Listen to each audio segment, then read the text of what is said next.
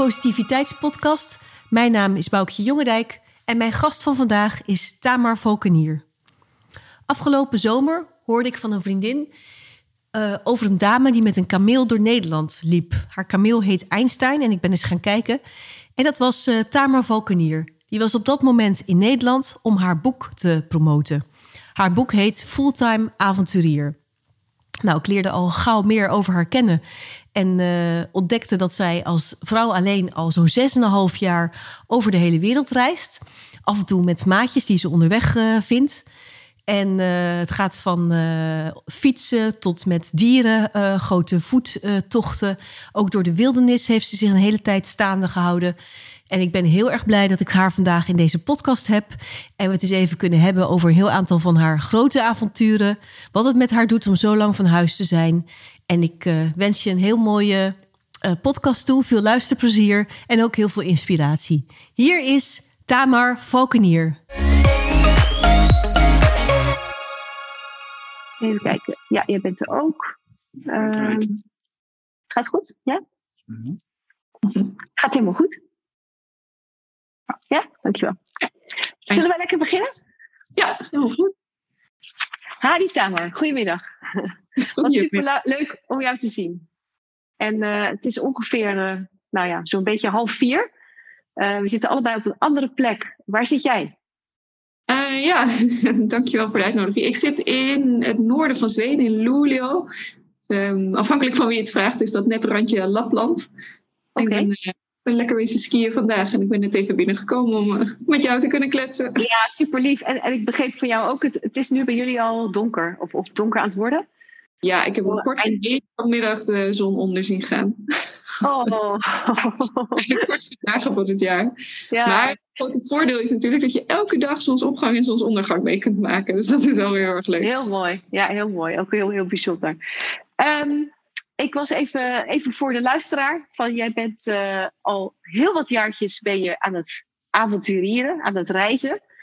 Hoe lang ben je nu onderweg?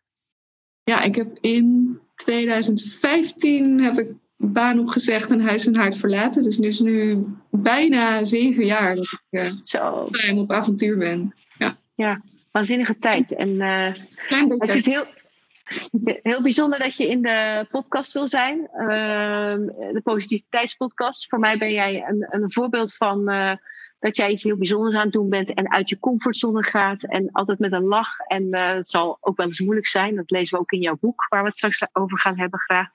Maar een ja, enorm inspiratiebron. Iemand die zijn hart volgt en de gevaren die het uit de weg gaat. En jij zegt net even kort van, nou, zo'n zeven jaar geleden begon het. Maar toen zat jij, hoe zag je leven er toen uit? Uh, ik had een heel leuk leven opgebouwd in Haarlem. Uh, eh, 20 kilometer ten westen van Amsterdam. En daar had ik een baan bemachtigd bij de nationale politie. Uh, dus ik werkte in een team met psychologen. Ik ben psycholoog en criminoloog van achtergrond. Okay. En we werkten aan moordzaken en zedenzaken. ik heb bij de FBI mogen studeren. Nou ja, een hele, hele toffe baan. Echt een soort van droombaan. Ik dacht, als ik later ja als ik groot ben, wil ik daar ooit komen werken. En dat, uh, dat lukte al toen ik 24 was. Ik had een Jong nog, ja. Uh, motor, ging vaak op vakantie. Dus echt zo'n beetje het leven wat, uh, wat al mijn leeftijdsgenoten graag wilden. Dat was helemaal van. Ja. ja, en toen? toen. nou ja, toen was ik wel uh, 24 en toen dacht ik, ja, jeetje, ga ik dit dan de rest van mijn leven doen? Ik wist al precies in welke loonschaal ik zou komen, wanneer ik met pensioen mag, uh, mocht gaan. Uh, ik vond het allemaal wel heel erg leuk, maar ook een beetje heel erg voorspelbaar. En ik had wel heel erg behoefte om de wereld in te trekken. Om te kijken, wat, wat is er nog meer? Hoe doen andere mensen het? Hoe doen andere culturen het? Wat, hoe leid je nou eigenlijk een goed leven? Waar, waar, Aan welke parameters moet je dan voldoen? En ik had ik krijg steeds meer het idee van: wat nou als ik dit allemaal loslaat? Als ik alles overboord gooi en met helemaal niks de wereld intrek, ga ik, wat ga ik dan missen? Ga ik Nederland missen? Ga ik uh, uh, bij mijn vader zijn missen? Ga ik het missen om een dak boven mijn hoofd te hebben? Om carrière te maken? Om uh, meester doctorandus valkenier te zijn? zijn. ja. dat, dat wilde ik eens even uitproberen. Dus ik heb alles opgegeven. Ik ben vertrokken. Ja, super bijzonder. Wat was de aanleiding, uh, Tamar? Kan je, dat, kan je dat terughalen als je erover nadenkt? Want ik, ik kan me voorstellen, uh, het plaatje wat je schetst is eigenlijk een redelijk droombeeld. Uh, is er een aanleiding geweest om ja, toch zo over de vraag van een goed leven na te gaan denken? Terwijl het leven op dat moment voor jou ook ja, toch goed was. Zeker voor iemand die er op een afstand naar jou keek. En, en zou zeggen van nou, mooie vakanties. volgens mij heb je meerdere studies gedaan. Ook nog chefkok uh, bij allerlei mooie restaurants gewerkt. Heel veel gedaan al. En heel jong nog. Ja, nee, het leven was ook absoluut goed. Dus het was niet dat ik ergens van wegrende. Uh, dit verhaal hoor je natuurlijk vaak bij mensen die een, uh, een geliefde verliezen of die, uh, waar kanker ontdekt wordt. Dat je dan op een gegeven moment gaat nadenken van, joh, heb ik nou eigenlijk wel alles uit het, uit het leven gehaald? Ja. Mm -hmm. Hoe wil je terugkijken als je op je sterfbed ligt later? En dat is ook Stephen Covey hè, die dat zegt. Van, uh, als ja. je, dat je moet nadenken van uh, hoe ziet mijn begrafenis eruit. Wordt, wordt er over me gezegd en heb ik gedaan wat ik wilde. Maar ja. Ja. best wel heftig. Maar ook wel heel uh, realistisch. Als je wilt doen in je leven wat je wilt doen. Ja, nou ik denk het is heftig als jij inderdaad niet jouw pad volgt. Als je niet doet wat je had willen doen. Spijt het van dingen. En dat probeer ik nou voor te zijn. Ik ga niet wachten tot mijn pensioen, maar ik ga nu het leven leiden en ik heb geen dag spijt. ja. ja. En je bent toen even, als ik het goed begrijp, uh, want eigenlijk zoek ik even naar van wat was het, uh, het punt waarop jij dus inderdaad zo ging nadenken. Want weet je, zat natuurlijk ook in een drukke baan en, en uh, maar volgens ja. mij had je iets van een, een blessure of, of er was iets dat jij ook ja. even tot stilstand werd geroepen. Hè? Want dat vind ik ook wel interessant. We zijn natuurlijk hier ook in een hurry aan het rennen. Ja. En soms is er wel even iets wat je dan tot stilstand brengt. En, en, en ja. bij jou was dan niet, uh, wat je zegt, iets, iets traumatisch, maar toch, toch wel iets. Ja, nee, dat, dat is uh, goed dat je het zegt. Ik had inderdaad mijn been gebroken, mijn voet moet ik mm. zeggen. Dus mm. ik werd uh, letterlijk tot stilstand gebracht in het leven. Oh ja, ja, ja. Uh, vroeger op zondagmiddag de tijd namen om over het leven na te denken en, uh, en opnieuw te beginnen. Dat, dat doen we niet meer. Hè. We, we, gaan allemaal gehaast en gejaagd, maar door, door, door, volle agenda's. En, en zo leefde ik ook. Mm -hmm. ik had, uh, als ik nog een uurtje vrij had, oh, dan ging ik nog Spaans studeren. Als ik nog een uurtje vrij had, dan ging ik ook saxofoon spelen. Nou, je kent het wel, alles volgebouwd. Mm -hmm. Maar toen, toen kwam ik stil te zitten, letterlijk, op de bank bij mijn vader, met een been in het gips. En toen is het gaan borrelen. Toen uh, ging ik bedenken van, joh, hoe zou het leven er nou uitzien als je lang op reis bent? Uh, bijvoorbeeld, hoe, hoe doen andere culturen het? En ik had uh, iets gelezen over mensen die met een fiets de wereld overtrokken. En om de een of andere reden greep me dat. Ik was helemaal geen fietser, maar dat, dat vond ik gewoon heel erg interessant. Het was zo vrij, klonk het. Uh, tentje achterop, je kunt links of rechts naar gelieven. Je ziet wel waar je strandt. Yeah. En dat begon ja, dat begon gewoon aan me te knagen. Ik heb daar heel lang met heel veel mensen over gesproken. Tot ik op een punt kwam dat ik dacht van ja, ik, ik moet hier gewoon gehoor aan geven. Ik moet dit proberen. Ik moet met de fiets de wereld intrekken en kijken wat het me brengt. Lukt het niet? Allah, dan kom ik wel weer terug. Kan je altijd naar huis, ja. ja. En wat ik ook heel, wat, wat, mij, wat ik me dan afvraag, dan zit ik te denken, hoe was je bijvoorbeeld als uh, klein meisje? Was jij, wat je woonde in de stad, maar wilde jij toen, droomde jij weg bij boeken over verre landen? Of was jij uh, heel avontuurlijk al dat je van alles opzocht. Want weet je, je had natuurlijk ook, ik zeg maar iets geks, een hele andere baan of extreme hobby's kunnen gaan doen of weet ik het wat. Of, of uh, een instrument erbij gaan doen. Ik, ik, zeg nu even gewoon dingen die bij huis zijn. Wat trok je zo in die reis? Of waarom ja. die, die wereld in? Ja, ja goede vraag. Ik, ik weet niet of het echt uh, bij me in het bloed zat. Ik ben in ieder geval niet zo opgegroeid. um, ik heb enorm met angsten ge, gekampt als kind. Uh, als tiener, okay. als twintiger. Uh, paniekaanvallen. Oh. Ik was zo'n uh, typisch stadsmeisje dat helemaal niet in grote menigte durfde. Dat de bus niet in durfde. Dat de lift niet in durfde. Op de universiteit met de trap omhoog. Dus dat is wel heel frappant als je ziet wat ik nu voor dingen doe. Maar ik heb ook altijd gezegd daar ga ik me niet door laten tegenhouden. En daar heeft mijn vader me heel erg in gecoacht, want die, die angst heb ik van hem geërfd. Ik zei, daar maar wat je wil uit het leven. Je gaat je niet laten tegenhouden door je angst. Dus ik ben al die angsten gaan overwinnen, één voor één. Uh, en dat raakte een beetje, dat werd verslavend. Dus op een gegeven moment was ik aan het parachute springen. Zo had ik mijn, enkel gebroken. Oké, okay, uh, ja. Ik was op motorracen, ik ging kitesurfen. Ik ging allemaal extreme dingen doen om een beetje te voelen dat ik nog leefde of zo. Mm-hmm. Ja, ik had behoefte aan die adrenaline. Uh, dat is overigens helemaal niet meer het geval. Nee, maar en ging je daardoor ook uh, elke keer overwon je wat? Ging je ook anders naar die angst kijken? Of, of ging die angst weg? Of, of uh, kwam die weer in een andere vorm terug? Of zag je juist door dit soort dingen dat het ja, ook een soort mindset kon zijn? Of, of, of, of ontdekte je daar iets in of niet? Ja, het, het was vooral heel erg bevrijdend. Ontzettend ja. bevrijdend. Um, we worden natuurlijk allemaal heel veel angst ingeboezemd. Alleen als je het nieuws kijkt, wat er gebeurt in de wereld, moeten alles verzekeren. Zou je het nou wel doen? Dan uh, weet je, de stoeptegelmaatschappij geworden. We mogen geen enkel risico meer lopen. En ik heb wel geleerd om daar veel gezonder naar te kijken. Want natuurlijk moet je bang zijn als er een uh, beer voor je neus staat in, uh, in Canada. Ja. En natuurlijk ben je bang als je bijna een ravijn in, in dondert. Mhm. Maar er zijn ook heel veel dingen waar we helemaal niet bang voor hoeven zijn. Wil, wil, jij eens een lange reis maken, wil je baan opzeggen, dan hoef je niet zo erg bang voor te zijn. We komen uit Nederland, we worden opgevangen, het is een mooi sociaal netwerk.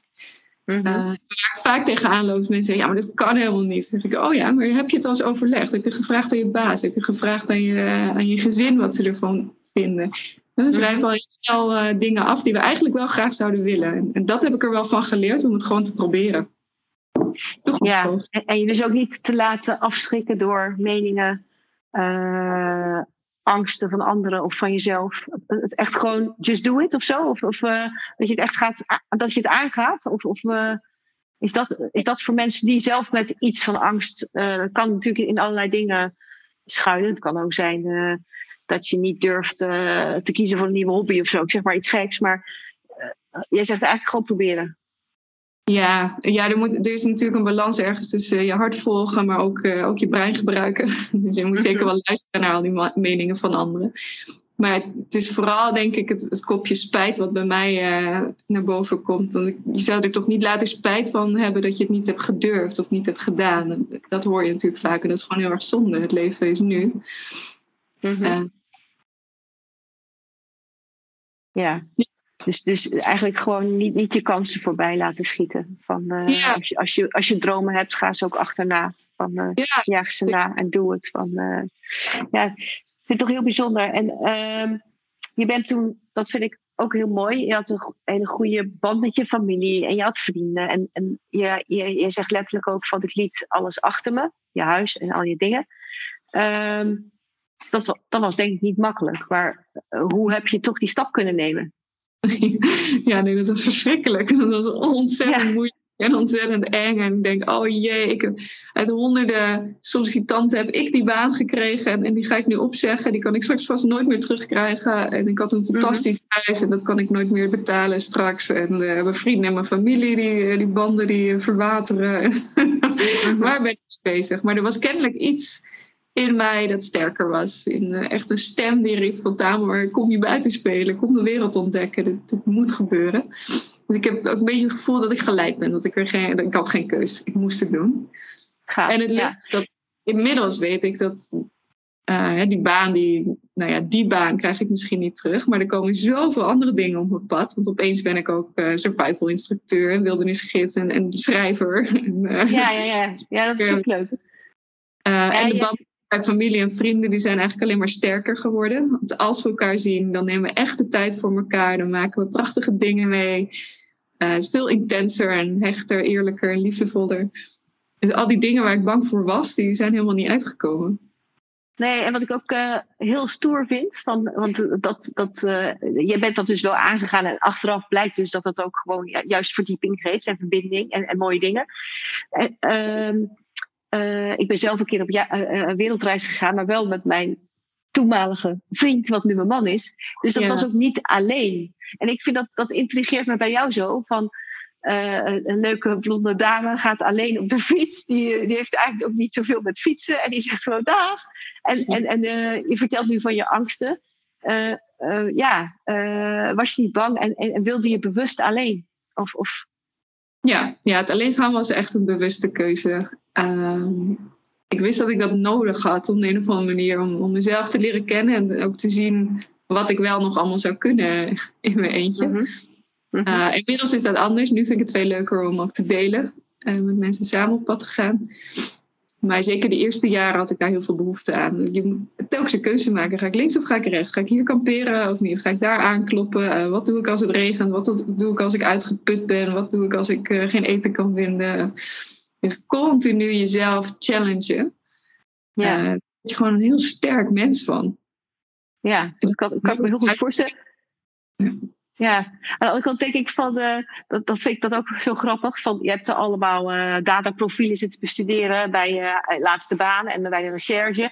En nou, daar, dan denk ik van, nou, je hebt best wel wat dingen ook gezien uit dossiers, denk, kan ik me zo voorstellen. En je gaat alleen op pad. Was je niet bang, gewoon ook om alleen ja, gevaar tegen te komen? Oh, zo bedoel je, ja. ja. Um, ik vind ja, dat grappig, want ik vind dat heel stoer. Van, jij weet meer, denk ik, dan menige één, omdat je ook in zo'n vak zat waar je nou ja, bij de recherche toch bezig bent met, met uh, dingen, uh, ja, mensen die anderen iets aandoen. Of, of nou ja, zo, zo kan je dat misschien wel zien. En ja. dan zie je ook wel donkere kanten. Ja, ik, ik, had, ik zag, had een hele donkere kant van de mensheid gezien uh, door en het nieuws te kijken elke dag en wat ik op mijn werk elke dag tegenkwam natuurlijk. Dus ik had best wel een beetje een mensbeeld toen ik vertrok. Ja.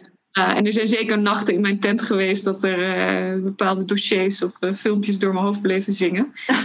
Maar ik wist ook, um, ik ken ook de statistieken heel erg goed. En ik wist ook dat het meeste geweld wordt gepleegd tussen bekenden, tussen geliefdes of ex-geliefdes, binnen families, ruzies in de kroeg tussen vrienden.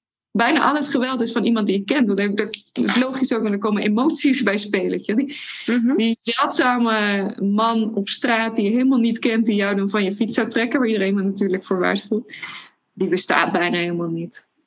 Oh, wat grappig. Ja, wat leuk. Daar, en daar had, je ook, had, je dus ook best houvast aan om daar gewoon vertrouwen in te hebben van. Uh, uh, nou ja, ik, ik, weet hoe die getallen eruit zien. En dan, dan heb ik eigenlijk gewoon um, veel meer kans om niks tegen te komen dan wel iets, iets naars tegen te komen. Ja, ja, dat was één. En twee was dat ik er wel in al mijn reizen voor heb gezorgd dat ik uh, zelfvoorzienend was. Dus ik had een eigen fiets, een eigen tent. Ik wist waar ik water kon halen. Ik had niemand nodig. Dus als iemand mij uitnodigde om thuis te komen, nou, dan kon ik even kijken van voelt toen vond dat niet goed. Ik ging bij, meestal alleen maar in op uh, aanbiedingen van gezinnen waar vrouwen en kinderen rondliepen. Dan voelde ik me een stuk veiliger. Ja. Uh, dus op die fiets heb ik wat veiligheid ingebouwd. En ik denk, ik hoop, ik zou willen geloven mm-hmm. dat ik door mijn werk en mijn studies ook wel goed in, in kan schatten wie ik wel en niet kan vertrouwen, welke situatie gevaarlijk is ja, ik, denk door je werk, maar ook eh, denk ik ook door vervolgens je ervaring. Want als ik in je boek uh, ook lees, dan. Ik vind, als ik het zo lees, als, uh, dan word je meegenomen in jouw verhaal. En, en ik vind dat je heel veel mooie mensen op je pad tegenkomt. Die, die van alles, die gewoon heel gastvrij zijn. En dan, vind ik dat bijzonder. Dan weet ik niet of het aan de landen ligt waar je bent geweest. Of, of dat door je, ja, het zal ook door jezelf komen. De, ehm, maar ik vind het best wel bijzonder dat je overal uh, mag slapen en mag meeeten. En, uh, ja. en aan de andere kant is het voor jou natuurlijk fijn dat je zo voorzienend bent. Maar volgens mij heb je ook juist heel veel mooie dingen van de mensen gezien. Ontzettend mooi. Ik ben weer helemaal verliefd op de mensen geworden. Ja. ja. En uh, het leuke is, ik denk dat het alleen reizen als vrouw is je, is je allersterkste uh, zeg het voordeel. Want juist oh, ja. omdat denken, oeh, dat is gevaarlijk. Ze oh, meisje, Als ik vraag. van goed voor je zorgen. Ja. In de tuin zetten. Nee, we doen niet zo gek om binnen slapen. Eet mee, wat doe je morgen? Ja, ja, ja. Geen bedreiging ook. Uh, dat is heel erg leuk. En als ik door landen reis als uh, Mongolië, en daar heb je over gelezen, daar reis ik dan met een paard en een kameel. Zoals zij dat zelf ook doen. Door Jordanië liep ik met een ezel. Zoals zij dat zelf ook doen. Dan kom je al heel anders binnen.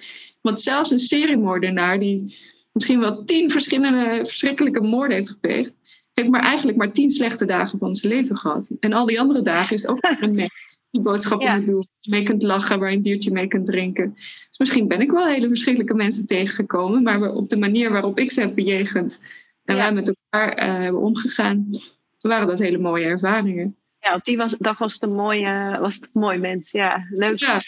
En dan uh, eigenlijk als je teruggaat naar toen jij wegging, liet je natuurlijk, uh, daar hadden we het net over, van je liet dingen achter.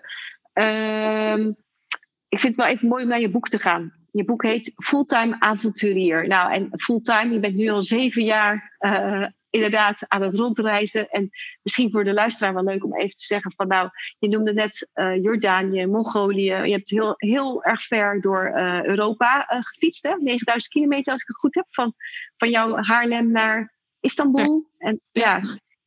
en Jordanië, Lapland, nou, van alles. Um, jouw ondertitel is van het boek Over alles achterlaten en de zoektocht naar ultieme vrijheid. Toen je wegging, toen liet je alles achter. Maar ik lees ook in jouw boek gewoon, jij, jij ontmoet mensen, je gaat verbindingen aan, je hebt dieren die je op een gegeven moment meeneemt, uh, worden jouw metgezellen, worden jouw kameraadjes. Uh, eigenlijk dacht ik van, ja, volgens mij moest je tijdens de reis ook steeds weer een stukje achterlaten.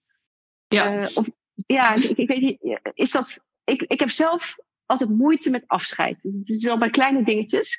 En dan denk ik van, poeh, dat, dat, uh, dat, dat eerste vertrek is natuurlijk groot. Want dan is het helemaal nieuw. En, maar ik zie toch ook wel, ook door de jaren heen, dat jij ja, hele mooie, uh, dierbare relaties aangaat. En, en ze steeds toch weer uh, moet achterlaten. En, en, en, en ook dieren.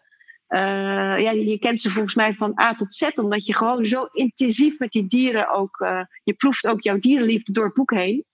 Ja. Uh, maar vervolgens moet je ze weer achterlaten, omdat jij een ander avontuur aangaat waar dat dier niet in heen kan. Ja. is dat net zo'n soort loslaten steeds? Of, of ja. ja. Ja, ja dat, is, dat is een hele ingewikkelde. Want je wordt niet beter in afscheid nemen. Dat is niet dat iets vroeg wat me je... dus af, ja.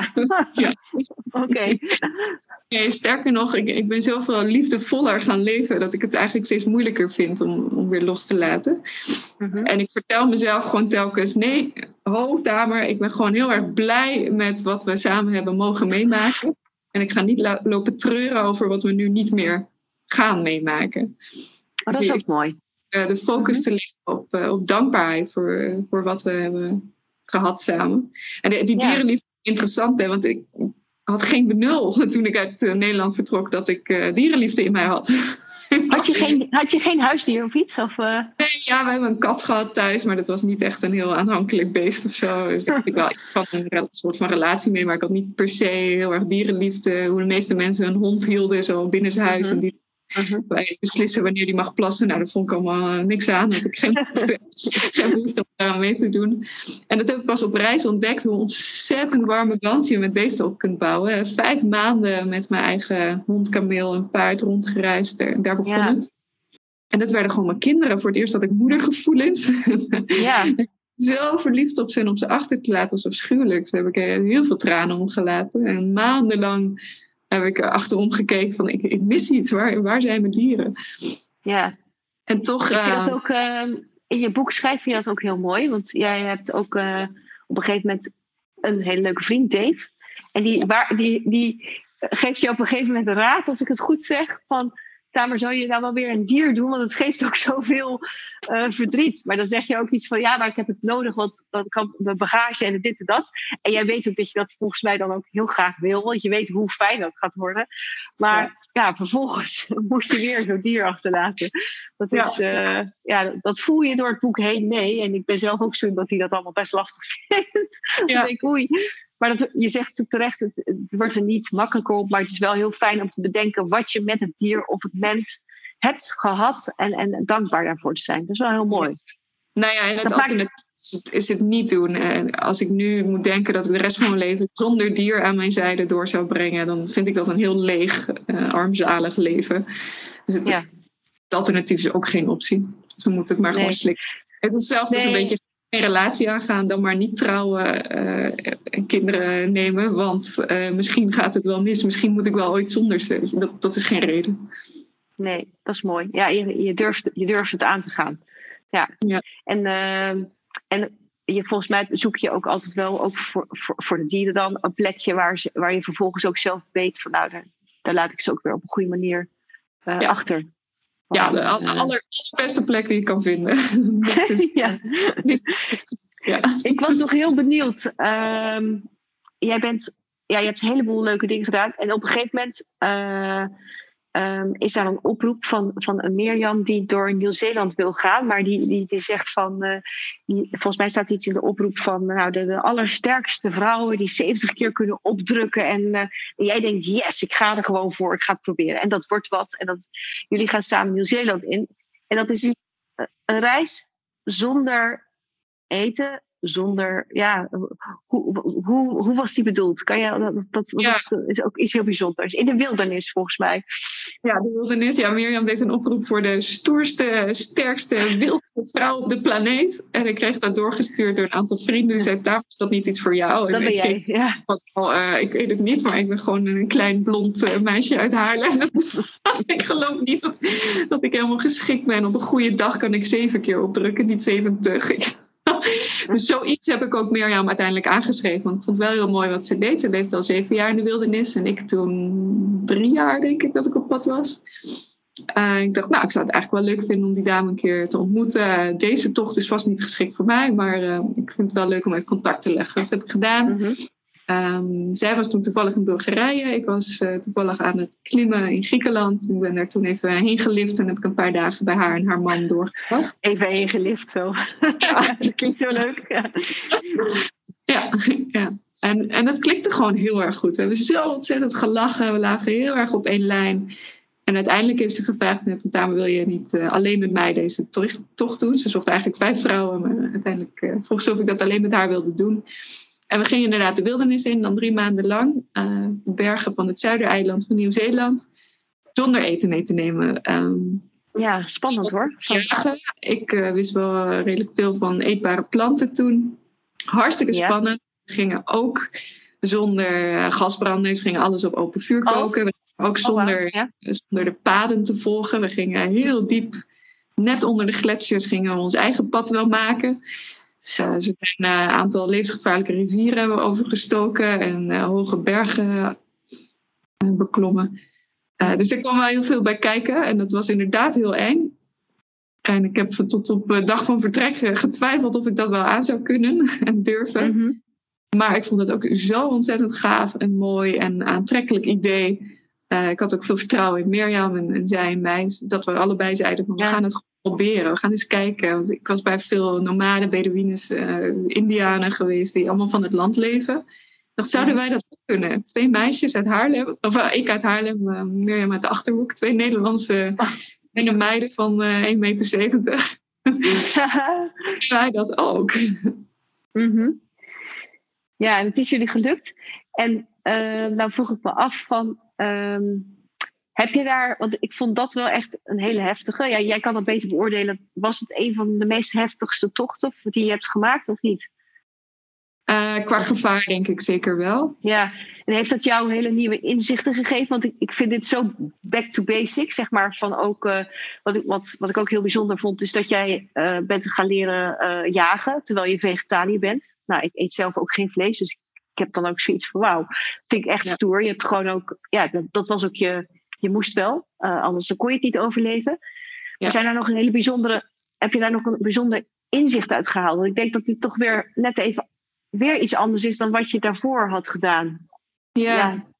ja zeker. Ja, het vegetarisch zijn was natuurlijk een ding. Dus ik heb ook al met Mirjam mijn ethische bezwaren besproken. En zei, ja, wat, wat we hier schieten, dat zijn allemaal dieren die geïntroduceerd zijn door de Europeanen. Die daar helemaal niet thuis horen. Die heel veel schade aan de natuur uh, berokkenen. En ze worden zelf met de duizenden uit helikopters uh, doodgeschoten door de overheid. Er wordt vergif gestrooid in het bos om bossen kapot te maken. Dus, als wij er af en toe eentje eten om te overleven, uh, is een ander verhaal. Maar wat het reizen in het algemeen me heeft geleerd, is om daar allemaal wat minder mening over te hebben. Ja, dat vind ik ook mooi daaraan. Ik, ik zat daar zo dat te lezen en denk je van ja, dat is ook wat minder rigide in hokjes en zo.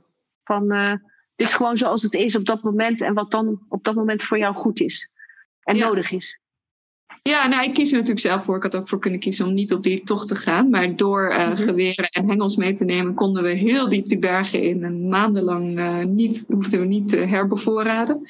Voorheen deed ik dat door dieren mee te nemen die uh, voor maanden eten konden dragen. Um, maar wat ik bijvoorbeeld zag bij de nomaden in Mongolië, ja, dan kan je als vegetariër wel aankomen, maar dat is niet te doen, want er groeit gewoon helemaal niks. Ze eten gewoon alleen maar vlees, ze eten van een kudde, ze hebben melkproducten, mm vleesproducten. En dat is het. Dus dan ga je wel even je mening bijschaven over hoe is het ja. eigenlijk om vegetariër te zijn en waarom ben ik vegetariër. Dat is veel meer omdat ik die, die megastallen in Nederland niet wil, uh, wil steunen.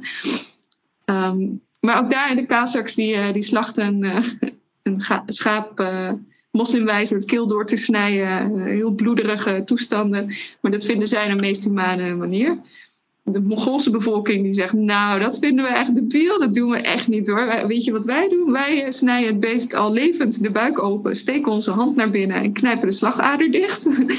vinden ze veel diervriendelijker. En toen dat vertelde bij de Maasai-krijgers in, uh, in Kenia, zeiden nou, dat is barbaar, zo ga je toch niet met dieren om. Kijk, wij maken een mooi bedje van kamperfoelie, wij bidden, we dansen ah. en stikken we de geit. En vervolgens drinken we het bloed uh, vers uit de nek. Nou ja, en zo heeft... Wow. Natuurlijk. Maar zo heeft iedereen zijn gedachten over wat is nou juist en hoe ga je met de natuur om je heen om.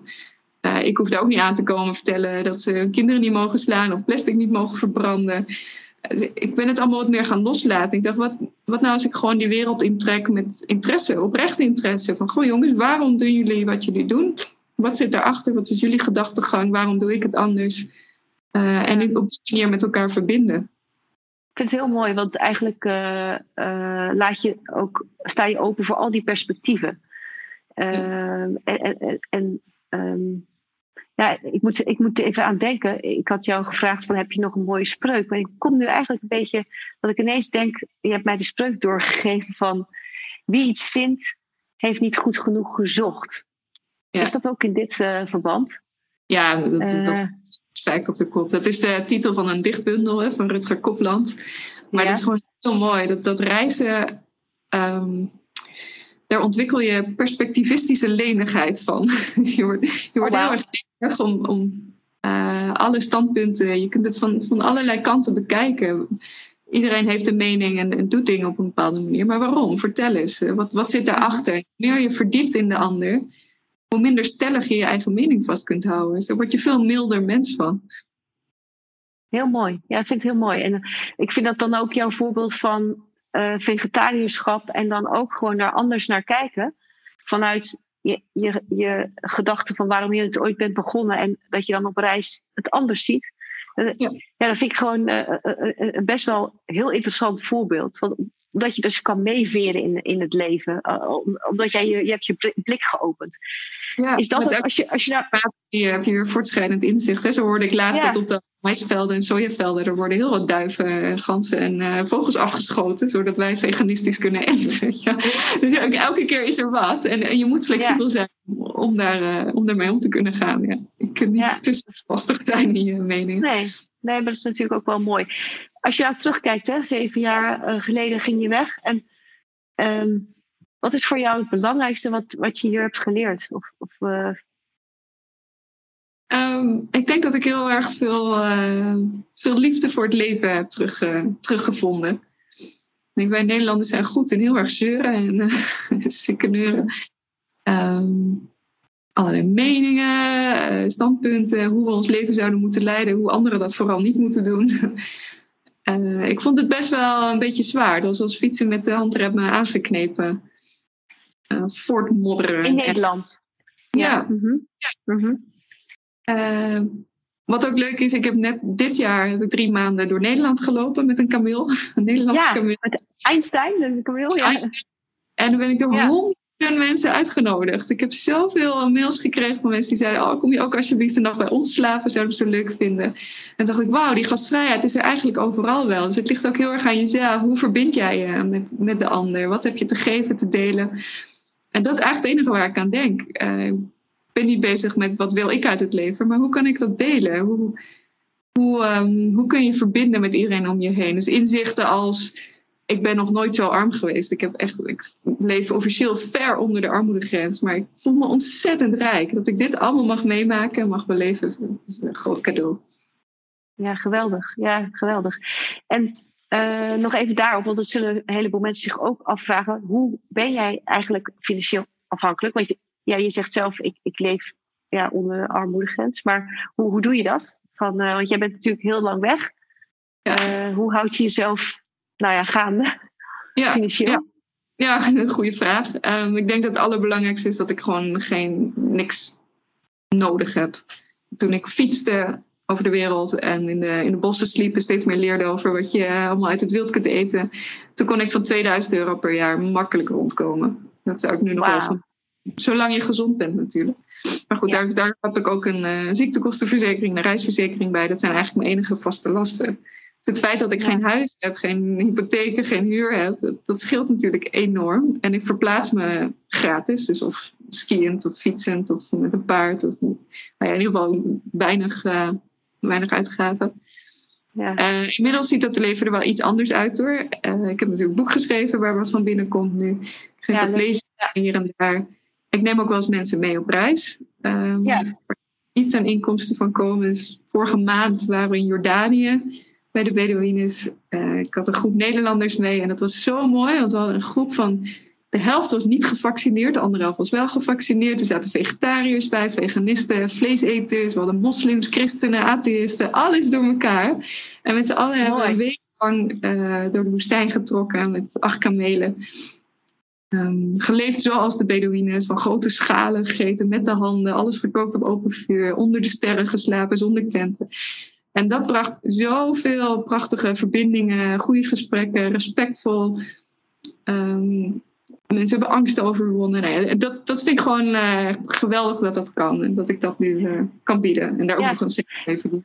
Ja, dat is heel mooi. Is dat nu eigenlijk dan een nieuwe fase? Want jij zegt in je verhaal zeg je heel vaak: ik wil het nu eigenlijk delen. En dat ben je natuurlijk ook waanzinnig aan het doen, ook door deze podcast en door alles.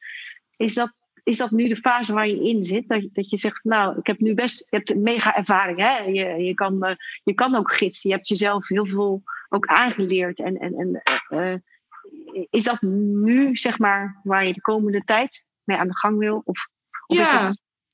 Nee, dat, dat zal de toekomst leren. Maar ik, ik denk dat het wel aardig die kant op gaat. Want wat leuk is in mijn leven is dat ik een soort van cyclus van zeven jaar heb ontdekt. Ik heb zeven jaar oh. lang in, in keukens van Michelin-restaurants gestaan ik heb zeven jaar lang ben ik bezig geweest met de recherchepsychologie.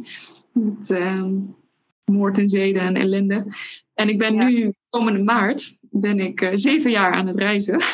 Kijk, dat wordt spannend. wat gaat er gebeuren? Ja. Uh, periode kunnen zijn. Ik ben heel benieuwd wat er gaat komen.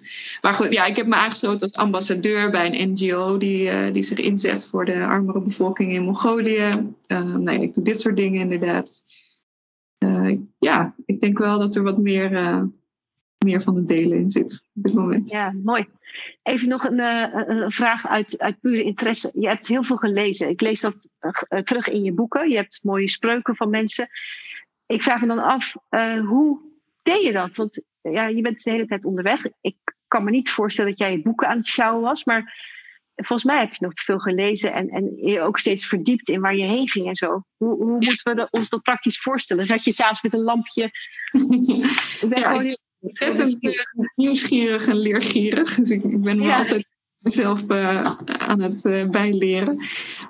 lang leven de wonderenwereld van de audioboeken. Oh, dus ja, ja. Dat ik aan het wandelen ben of aan het fietsen en dat er gewoon een audioboek, dat ik ondertussen Dostoevsky aan het luisteren ben. oh, leuk. Ja, ja. Dat vind ik heel erg leuk. Maar er zit ook altijd wel een uh, fysiek boek in de tas. Hoor. Die sleep ik met liefde mee. En dan uh, wat ik gelezen heb, uh, eindigt in het vuur meestal. Oh. ja. Mooi. Hey, en je schrijfproces, is dat ook iets geweest wat je gedurende de reis hebt gedaan? Want op een gegeven moment, waar kwam ineens, nou niet ineens, je hebt het natuurlijk veel meegemaakt, maar wat, wat deed jou besluiten om een boek te gaan schrijven? Ja, ja, dat is ook weer een beetje mijn leven hangt altijd van toevalligheden aan elkaar. Nou ja, Mirjam Lenswood, waarmee ik in Nieuw-Zeeland uh, was, ja? die heeft een uh, bestseller geschreven, Mijn leven in de wildernis. Oh. Heel, heel leuk oh. boek, aan te raden. Ja? Uh, en zij zei, Tamer, je moet ook een boek schrijven. Je hebt zoveel gaafs meegemaakt en zoveel te vertellen. Dus ik nou, nou, ik weet het niet. Of Floortje Dessing kwam ons opzoeken. Die heeft een ja. mooie aflevering gemaakt in de serie Terug naar het einde van de wereld die zei dat ook van nou Tamer, ik heb veel mensen ontmoet, maar wat jij allemaal hebt meegemaakt en al die contrasten, dat, dat moet je opschrijven. Een soort van, dat ben je verplicht aan de wereld of zo. Ik, nou, ja, ja. Dus ik heb één mail gestuurd aan één uitgever van jongens, dit is mijn verhaal. Uh, hebben jullie interesse? Moeten we eens koffie drinken? Of zeg je van uh, laat maar zitten. Mhm. En een maand later had ik contract getekend. Wow. Toen dacht ik, oh wacht even, hoe doe je dat eigenlijk? Ik had nog geen laptop op papier. Ik moest een uh, laptop aanschaffen. Voor, voor gedurende de reis? Die heb ja, meegenomen, die laptop? Ik meegenomen naar de bosbranden in Australië. Die heb ik meegenomen bij het adelaarjagen in Mongolië. Die heb ik meegenomen bij een oh, bij de Maasai. Nou, dat ging natuurlijk allemaal voor geen meter. Ik, kreeg het niet, uh, niet vooruit. En toen heeft uh, het universum mij weer een handje geholpen door opnieuw mijn enkel te breken. Oh. Die, diezelfde enkel. Um, dus ik zat met hetzelfde been in het gips op dezelfde bank bij mijn vader. Uh, waar ik zes jaar eerder had gedacht: uh, Goh, volgens mij moet ik eens een lange reis maken. En zes jaar later, in dezelfde omstandigheden, heb ik opgeschreven wat me allemaal is overkomen. Ja, mooi. Maar dat heb je dan eigenlijk in een vrij korte periode gedaan. ja, ik denk, ik denk ja. Het, het echt aan te. En ineens ben je schrijver. dus dat is toch ook bijzonder. Van, ja. Heel bijzonder. Ik had ook geen idee hoe het eigenlijk moest doen. En ik zat met mijn vader te tellen op de bank van... oh, mijn Piet wil vast wel een boek... en de buurvrouw willen er misschien wel twee. En zo kwamen we op uh, 100, misschien 200 exemplaren uit. En we hebben inmiddels 11.000 verkocht. Dus zesde druk is aan. goed. Ah, ja. gaaf. Ja. Ja. Dus ik sta helemaal perplex van wat gebeurt hier allemaal. Ja, het is, het is ook uh, heel, heel erg leuk om te lezen. Um, ik ben ook benieuwd, hè, we hadden het net al even over alles achterlaten. En je hebt dus ook een hele andere blik nu op bezit. Um, en je mensen achtergelaten, heb je verteld. En het tweede stukje van jouw ondertitel van je boek is een zoektocht naar ultieme vrijheid. En heb je het gevonden? nou, laat is uh, een zoektocht. zoektocht. Maar, ja. Ja, nee, het is en blijft een zoektocht. Want het leuke is door de naamsbekendheid die ik nu heb vanwege het boek. Uh, komt er natuurlijk heel veel op mijn pad. Maar daardoor ben ik ook contracten gaan tekenen. En denk ik, wil ik dat eigenlijk wel? En daardoor uh, geef je weer wat van je vrijheid weg. Uh, maar het zijn ook wel weer hele leuke dingen. en ik kan, ik kan veel goeds doen voor de wereld. Dus het is elke keer weer beslissen. Wat prevaleert nou? Is mijn vrijheid het belangrijkste? Of vind ik dit doel belangrijker? Het, is en blijft een zoektocht, maar ik ben er wel uh, heel erg veel verder in gekomen. Ik voel me een ontzettend vrij mens. Ik kan op elk moment beslissen om het leven toch anders in te delen. Ik, ik zit nergens aan vast en ik denk dat dat wel een gouden draad is die ik in mijn leven wil behouden. Geweldig, ja. En, en toch ook ga je graag uh, af en toe naar Nederland. Hè? Los van dat je voor het boek bent gaan promoten, die mooie tocht met, de, met en Kameel hebt gemaakt. ook wat wel een rode draad ook is, is dat je steeds teruggaat en uh, je, je moeder woont geloof ik in Frankrijk, maar je gaat meestal terug naar je vader. Dat, dat blijft je wel steeds, dat is, dat is toch ook gedurende de reis, is dat iets geweest wat je graag uh, deed? Ja, ja, ik ben heel erg gek op mijn vader. We hebben een hele warme band. Ik heb heel veel aan hem te danken natuurlijk. Dus ik, ja. uh, ik graag en nu hoe ouder die wordt, hoe vaker ik hem ook wil zien. Ja technologie is natuurlijk heel leuk, want ik sta ergens in het midden of nowhere eh, te videobellen met hem. Kijk pap, dit is het Noorderlicht. Kijk pap, zo ziet de gletsjer eruit. Kijk pap, de vulkaan is aan het uitbarsten. Ja, ja. Leuk dat ik hem echt wel mee kan nemen op reis en heb hem ook een aantal keren opgezocht. Mooi. Uh, maar het loslaten is ook steeds wel moeilijk, lijkt me. Het loslaten ook, is ook voor hem, ja. ja. Ja. Ja, maar dan ben ik een paar weken thuis en dan zit ik uh, bijna trillend op de bank van ik moet gaan, ik moet wat doen. dan zit ik alsjeblieft weer op pad. en dan ben ik een paar weken weg en denk ik, oh, ik mis mijn vader. Dus die, dat is een yo-yo effect wat nooit weg zal gaan. Maar dat is, uh, dat is de kunst van het leven, denk ik. De balans tussen alle dingen die belangrijk voor je zijn. Ja, en als je dan bij, in Nederland terug bent, kijk je nu anders tegen Nederland aan? Want ja. ik heb nu heel veel gezien. Uh, uh, Nederland was, was en is waar je vandaan komt. Maar ja, inmiddels kan je, het, kan je het beschouwen in dat grote geheel. Ja. Hoe zie je het? Ja, ik, ik, zie het elke keer anders natuurlijk. Nu denk ik altijd, oh, zijn we nog steeds over Zwarte Piet aan het zeuren, dan, uh, dan gaat het goed, gelukkig. er is niks ernstigs veranderd. Er is niks veranderd, ja. ja. uh, ik ben natuurlijk heel erg dankbaar dat ik Nederlander ben. Uh, ik kan zo, dit leven alleen maar leiden omdat we zo'n verschrikkelijk goed sociaal netwerk hebben ontwikkeld met z'n allen. Ik hoef dit verhaal niet tegen een of andere boer uit China te houden. Van jongen, ga nou gewoon je hart volgen, joh. Ja. aan. Dus daar ben ik heel erg blij mee en dat wil ik ook zeker uh, behouden. Dat Nederlanderschap geef ik nooit op. Maar het is ook niet een land waar ik zou willen wonen tegelijkertijd. Dat is uh, dan weer de keerzijde. Ik heb wel echt uh, de wildernis nodig, de bergen. Ik vind het ingewikkeld dat ik... Uh, we wonen naast de Kennemerduinen, wat natuurlijk prachtig is. Maar dat ik daarna ja. zonsondergang mag ik daar niet komen. Ik mag geen vuurtje maken. Ik mag ja, geen, geen bessen plukken. Dat vind ik dan wel weer ingewikkeld. Ik vind het heel erg druk. Maar goed, er zijn veel mensen die dat vinden natuurlijk. En er zijn oplossingen voor. Dat is het leuke. Met een Nederlands paspoort kun je overal ter wereld terecht. Ja, vind ik heel mooi. Ik kwam nog iets. Ja, ja ik kwam nog iets tegen. Ik, heb, ik weet niet of je hem kent. Ik heb Wilco van Rooyen even geleden gesproken, die uh, alle bergtoppen bevinkt. Uh, Ik had een klein stukje wat ik vorige week van hem las. En dat wilde ik eigenlijk even aan jou vragen. Van, hij schreef: Ik ben nieuwsgierig. Geloof in avontuur. Het reizen, het beleven, het onderweg zijn. Samen met anderen buiten de comfortzone zijn. Voelen dat je leeft. Nou, voor hem dan in de klimwereld en ook in de zeilwereld is het een internationale wereld, a way of life. Het is ook je eigen kom-af relativeren, kijken naar de dood. De dood is eigenlijk heel natuurlijk en het enige dat zeker is.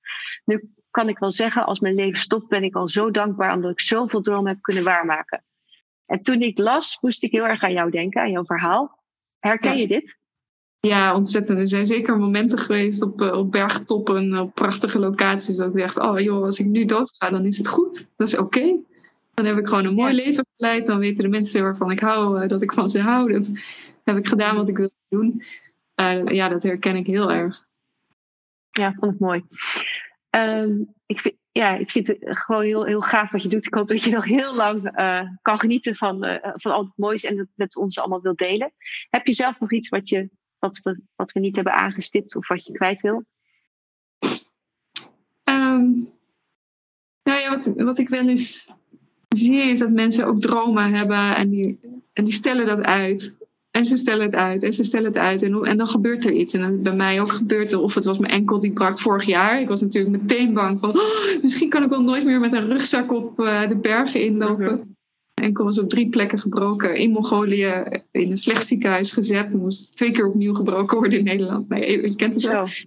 Ja. Maar ik heb gehad op mijn 24ste dat ik, uh, eh, 25 was ik denk ik geloof ik, uh, psychosomatische klachten kreeg. En in een rolstoel belandde. Drie maanden niet heb kunnen lopen. Ik wist eigenlijk niet wat er aan de hand was. En, en zo hoor je natuurlijk heel veel van dit soort verhalen. Er, opeens kan er zomaar iets gebeuren waardoor je die dromen die je altijd dacht van... oh, dan ga ik later waarmaken, later, later. Als ik met pensioen ben, als ik genoeg gespaard heb. En dat, dat wilde ik maar meegeven. Je hebt, je hebt niet veel geld nodig om echt een heel mooi leven te leiden. Je hebt, uh, ja, eigenlijk tijd is het enige wat je niet kunt kopen. Ja. er mee om. Het is zo belangrijk. En we hebben zo, zo ontzettend veel mazzel dat we hier wonen in Nederland. Dat we, als je gezond bent, een liefdevolle familie om je heen hebt. Wat houd je tegen? Fijn, mooi. Uh, beste Tamar, als mensen uh, jou, ja, uh, jouw boek willen kopen of ze willen meer van jou weten, uh, waar, waar kunnen ze jou het beste vinden? Behalve ergens op de wereld. Maar... Ja. Ergens op de wereld. Zoek een kameel, dan loop ik er waarschijnlijk naast. Um, ik heb inmiddels een eigen webshop en die heet fulltimeavonturier.nl. Ja? Daar kun je boeken bestellen. kun je ook de NGO ondersteunen waar ik waar ik mee naar Mongolië ga om goede dingen te doen. Uh, kan je sponsoren? Of, uh, ja, hoe werkt het? Kan je sponsoren? Ja. Ja, ik kan sponsoren. Um, ik organiseer soms ook wat tripjes waar je dus mee kunt. En dat laat ik dan altijd op social media weten. Dus op Facebook en op Instagram. Gewoon onder mijn naam Tamar Valkenier. V. Um, en op mijn website tamervalkenier.com, daar staat een mediapagina met allemaal uitzendingen op televisie, met uh, stukken in de kranten, radio's en podcasts, uh, dat soort dingen. Als je nog eens uh, iets meer horen en bekijken. 27 december gaat er een programma op tv komen van Joris Linsen, Boeddha in de polder heet dat, op NPO 2. En daar is ook één aflevering met mij. Oké, okay, wat leuk. Leuk, Joris ja? Linsen twee dagen met mij en Camille Einstein meegelopen. Ah, tof. We liepen toen uh, door prachtige villa-wijken van Aardenhout. met de over straat liepen met Camille. Tussen al die rijke villa's hadden het over. Wat is nou eigenlijk rijkdom? Wat is armoede? Waar zit dat in? Wat is vrijheid? Wat betekent dat? Uh, nou ja, om dat soort vragen. Dus ik, ik ben zelf ook erg naar de uitzending. Nou, wij, wij ook. We gaan uh, graag kijken. Heel hartelijk bedankt voor jouw tijd. Geniet uh, in Zweden nog. Uh, ja, en, en mocht je nog eens een keer ergens in Nederland gaan wandelen met een leuk dier, dan uh, sluiten we ons graag aan. Ja, Dankjewel, ja. Tamar. leuk. Leuk, dankjewel. Beste luisteraar, hartelijk bedankt voor het luisteren naar deze podcast. Ik hoop dat je ervan hebt genoten. En Tamer, hartelijk bedankt voor jouw tijd die je vanuit Lapland voor ons hebt gemaakt. Ehm, ben je benieuwd naar het boek van Tamer Valkenier? Dan zal ik het nog eventjes in de camera laten zien. De titel is Fulltime Avonturier. Met als ondertitel Over alles achterlaten en de zoektocht naar ultieme vrij- vrijheid. Een heerlijk boek om te lezen, om bij weg te dromen en inspiratie uit op te doen. Verder nog even haar spreuk. Wie iets vindt, heeft niet goed genoeg gezocht. Het mooie vond ik dat zij deze spreuk heeft gekozen om eh, je aan te moedigen om bepaalde onderwerpen, eigenlijk alles vanuit verschillende perspectieven te bekijken. Zij heeft natuurlijk ook heel veel eh, kennis opgedaan, heel veel ervaring opgedaan door ook een heleboel verschillende culturen te ontmoeten. Dus eh, ook een mooie tip van haar om dit eens toe te passen op je eigen leven. Heel graag tot over twee weken voor een volgende podcast. Fijne dag en tot ziens.